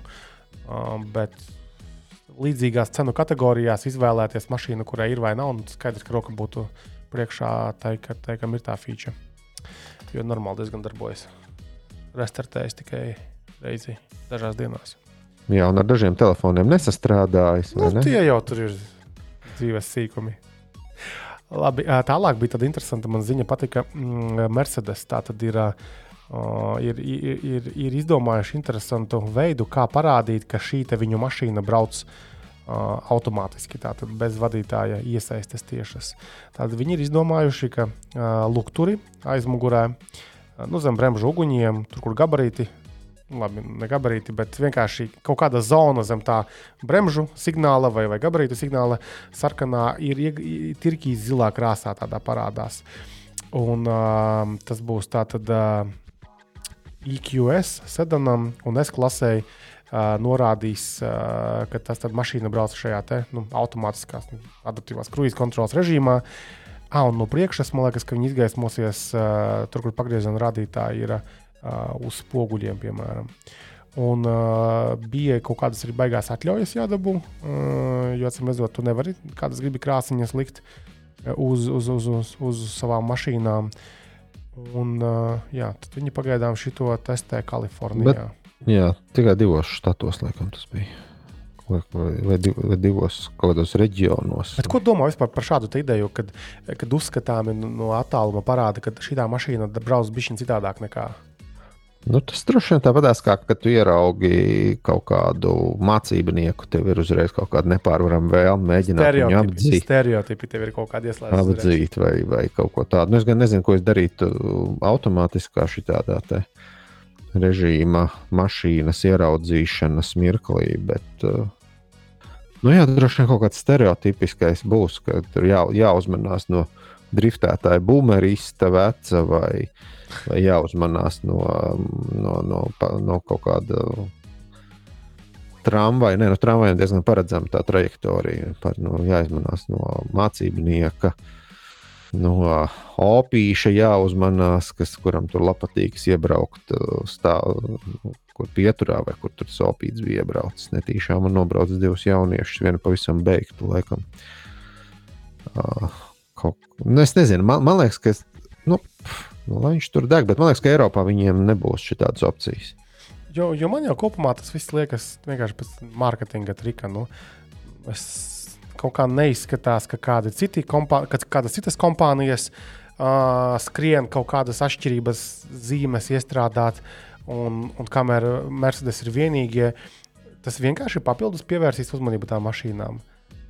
Un um, mārketings, manuprāt, tas ir. Ja vien, protams, tu tās nesakos visi pārējie. Bet gan jau, kad diez vai. Um, tālāk vēl no interesantām tādām ziņām bija, uh, ka ķīnieši ir uh, radījuši elektroautorātu, saucās NIO ET7, uh, kas uzlādēts var nobraukt vairāk nekā 1000 km. Tad ir atsevišķa nozare uh, ražotājiem, kas mēģina taisīt tomēr šīs long range uh, mašīnas. Interesanti, ka šos 1000 km viņi var dabūt no 150 kWh akumulatora. Um, Uh, bet joprojām tie vēl nav solid state baterijas. Tās ir kaut kādas nu, parastās, klasiskās. Um, Nu, bet tas matemātiski sanāk, ka tie ir tie paši kaut kādi izsapņotie 15, 15 kWh uz 100 km. Ja? Kaut kā tā varētu būt arī. Jā. Bet kas praksē, protams, tā nedarbojas īsti. Mm, droši vien, matemātiski tas Excel pats cieš šo un to. Jā, jā, bet neizskatās šobrīd, ka tā ir tāda tendence, ka visi taisīs kaut kādas super long range mašīnas, jo tam ir savi mīnusi. Tātad tā mašīna ir smagāka, mašīna ir dārgāka, objektīvi, protams. Un arī mēs paši esam runājuši kaut kādos elektroautorāta čatos, ka, nu, ka vajag atrast kaut kādu zelta vidusceļu. Tipiski tās visdrīzāk ir kaut kas ap 60, 70 kWh. Kad nesmaga un nevaiprātīgi dārga, bet reizē kaut cik var arī nobraukt, arī ziemā. Un, un tā kā tad vajag atrast to zelta vidusceļu. Uh, nevis oh, maksimāli lielāko, lai es varētu uh, neizkāpjot pačurāt, nobraukt vienā rāvienā no Rīgas līdz uh, Prāgai. Kā tur komentāros gribējās cilvēkiem braukt. Jo ar dīzeli jau var. Tā viņi saka. Lūk, tā kā ķīnieši bet ķīniešus mēs vēl redzēsim un dzirdēsim daudz un dikti. Savukārt Tesla, kas ar Teslu mums notiek? Tesla plāno izlaist um, kaut kādu savu uh, bezvadu uzlādes um, paklājiņu, sauksim to tā. Uh, indukcija, indu, in, induktīvā lādēšanās. Tātad um, uh, interesanti, kad tas varētu būt. Jo, jo to jau pieminēja jau kaut kad, kaut kad agrāk. Um, tā, pagaid, viņi tādas Tesla ir iegādājusies šovasar arī kompāniju uh, Viferion, kas tieši darbojas šajā virzienā, klusiņām. Tā. Un um, interesanti, kaut kad varētu būt man, man tas pat neliekas tik uh, stulbi. Jo uh, skaidrs, ka tur ir visādi zudumi, uh, skaidrs, ka tas ir super lēns pasākums, bet mājās uh, pa nakti atstāt garāžā, lai tā mašīna cepas, kāda vaina? Nu, tad tur ir jābūt kaut kādām baigām pielaidēm uz to, kā tu vari uzparkoties uz tā tepiņa virsmu. Uh, Jo būsim godīgi, kā mēs paši parkojamies paralēli atpakaļ gaitā, piemēram, savā piemājas stāvvietās vai jebkur. Jā, nu, tu tāpatās tu nespēji uzbraukt tur plus mīnus 10 centimetri. Tu uzbrauc plus mīnus 40 centimetri vai kaut kas tāds. Es domāju, ka ir īpaši, ja tev nav kaut kādas palīgas, nē, nu, ja tev ir palīgi ierīces, uh, tur visādas kameras un tā tālāk, tad droši vien, jā. E, bet klausies, bet šito varētu zināt, attīstīt. Nu, kā, ir kaut kādi sensori noteikti jāpaklājiņā. Uh, ja, ja, ja, ja paklājiņu un mašīnu ražo viens un tas ražotājs, tad noteikti var arī tajā displejā parādīt, ka, hei, tagad viņš pakreis, viņš tur nu, taisnība un tā kā salāgoties. Čpoku un gatavs ir. Nu, jā, bet tev pirms tam droši vien jāiebrauc un jānomazgā mašīnas apakšdaļa, ja tu atbrauc savu garāžu un tev nokrīt tur kaut kāds sniega sāls. Kaķu, kaķu sūdu un kaut kāds tāds - Kalifornijā. Klutis, Kalifornijā jā. gan jau tāda nav. Nu, Kalifornijā, protams, protams, tur jau viss smaržo pēc eikaliptiem vai vēl nezinu kā. Un, un. Tur jau viss ir superīgs un ar zelta pogu un citu smaržu. Jā. Nu, labi, pie mums, pie mums, ja tu atbrauc, tad nomālējies tāds rīktīgi fēns. tu atbrauc un tev tas paklājiņš ir nozagts jau. Un lādējies tad kaut kur citur. Uh, tad vēl Teslas gadījumā bija uh, Tesla, esot zinājusi, ka daļa no viņu detaļām ir kaut kāda ļoti vārgas, vārīgas, bet tāpat par vainīgiem uh, saukusi vadītājus. Tur bija tieši tāds uh, Reuters, uh, ir veicis kaut kādu izpēti, izpēti mm, un, uh, un atklājis, ka, ka paši Tesla darbinieki esat zinājuši, ka, piemēram, tur ir kaut kādas um, piekaras detaļas, kas plīst vienkārši metāls vai nu vārks, vai kas nu tur viņam ir. Un tad, piemēram, bijuši pat tik vaiprātīgi gadījumi, kad cilvēks nopērk 2023. gada Tesla Model Y, uh, paspēja nobraukt mazāk nekā 24 stundas un saplīst. Uh, kas tāds lower control arm separating from the steering knuckle. Nu, kas tas ir? Es nezinu, kā viņas tā detaļas. Kaut kas, nu, respektīvi, uh, pie stūres uh, šīs sistēmas uh, mehāniski kaut kas saplīst. Un uh, servisā tāda saka, ka mm, jā, nu, kad nav, neizskatās, ka tur kaut no malas kaut kādas problēmas ir, un, bet tāpat vainīgs ir braucējs. Lūk, un galvenais, ka, ka viņi zina. Tā kā forši, kad uzceļ šādas ziņas, un uh, cerams, ka patiesāties kāds domās par šo visu lietu, lai tomēr uh, nu, protās nav jau tās lētas mašīnas. Tā, jau... bet vai gadījumā Y modeli te neliek kopā tepat kaut kur Eiropā? Berlīnē vai vēl nezinu, kur? Tur bija runa par uh, kaut kādiem amerikāņu uzvārdiem, acīm redzot, Amerikā liktās mašīnas. Tur bija, bet man liekas, nav jau būtiska starpība, kur viņas. Bet ir jau, ir jau bijušas pieredzes, varbūt ne tieši man, bet ir, bijuši, ir dzirdēts, ka kaut kādiem uh, A6 aužiem tur arī bija kaut kāds vaiprātīgs, nu, vājas piekares. Un, nezinu, nu, 166 alfām. Un, nu, droši vien var miljonus uzskaitīt, bet tas, tas kas man nāk prātā. Kaut kāds alumīnija piekars, it kā kluss un tā, bet izbrauc caur, caur Rīgai un jābrauc uz servisu. Mm. man liekas, mūsdienās. Šo, šodien, vakar braucot, izbraucot cauri Rīgai, priecājies, ja nav jābrauc uz servisu. Jā. Uh, tā, ah, un nobeidzot autobloku, tad um, Volvo esat paziņojis, ja, ka, ka arī viņam būs elektriskais sedans, uh, būs aprīkots ar 111 kWh akumulātoru un uh, pārdošanā nonāks 2025. gadā. Tāda bišķiņā jāpagaida vēl. Tagad viņi bija to busiņu lielo izziņojuši, ko super dārgo.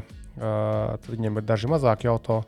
Starp citu, mums bija nu, Volvo, ne Volvo, bet uh, uh, viens lasītājs bija atsūtījis pieredzes stāstu, kā viņam gāja Itālijā izīrējot uh, Polestar 2.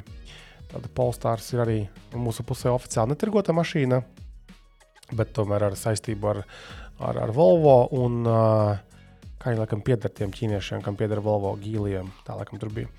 Lūk, un, un tas pats uh, lasītājs brauc ikdienā ar Teslu, bet viņš senos laikos ir braucis ar Volvo, un tāpēc viņš teica, o, oh, interesanti bija salīdzināt ar to, kā Tesla iet, kā šitam iet. Kaut kāda poga, iz, fū, stūra izskatās kā no Volvo, kaut kādas vecas mašīnas paņemta. Un tad, protams, par interesanti, kā, kā Itālijā, ka tur ir viss ļoti slikti ar uzlādes iespējām. Uh, ir, ir dārgi vai nedarbojas un, uh, un grūti. Tāpēc Latvijā nav tā sliktākā situācija.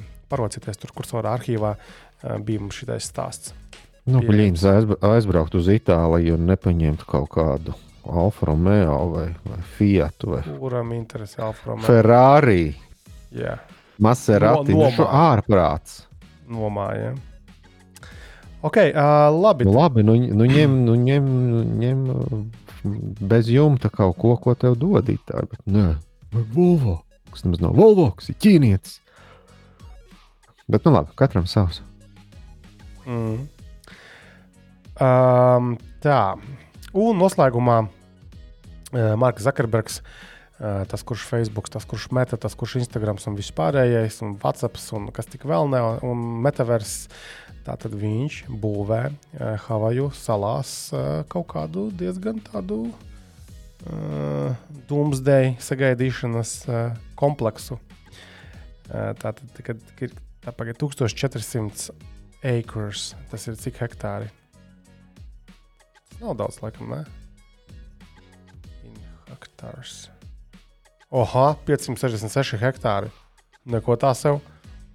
Tātad viņam ir jā, šāda zemīte nopirkta Havajās, Havajos, Havaju salās. Uh, un tātad tur viņš būvēs tādu mm, būvi.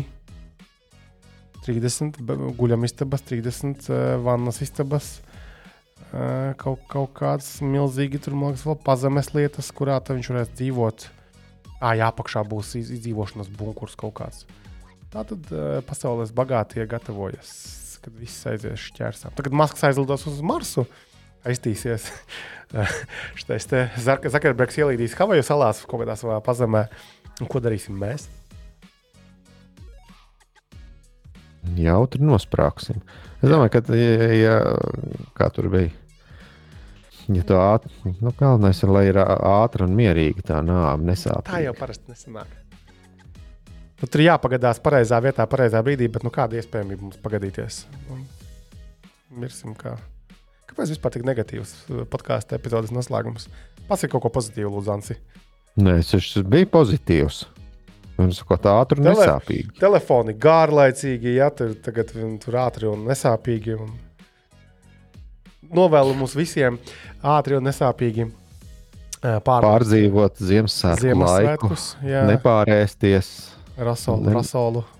jā, turēt pie rokas ā, nošpu un ā, oglīti aktivizēto. Jā. Un droši vien varbūt saprātīgos apjomos ēst zirņus ar speķi, vairāk pieturēties pie veselības bojāšanas ar dzērieniem. Nu, Man liekas, ka tāds normāls poha ir bijis labāka nekā nokakāties līdz nāvei. Pagaidām,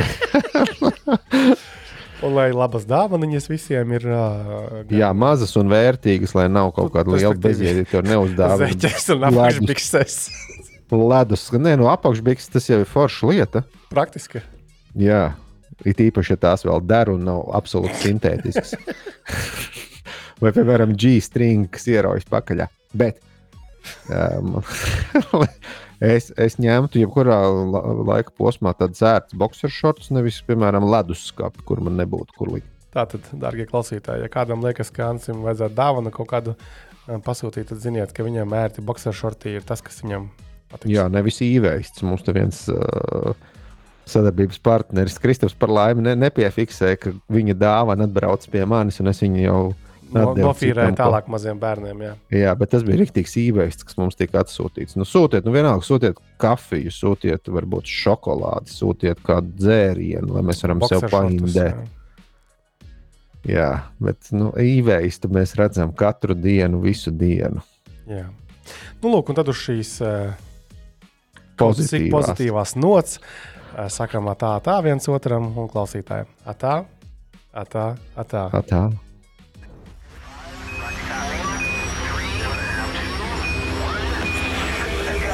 ko kursors tev neraksta. Regulārs tehnoloģiju podkāsts kopā ar Cursors LV.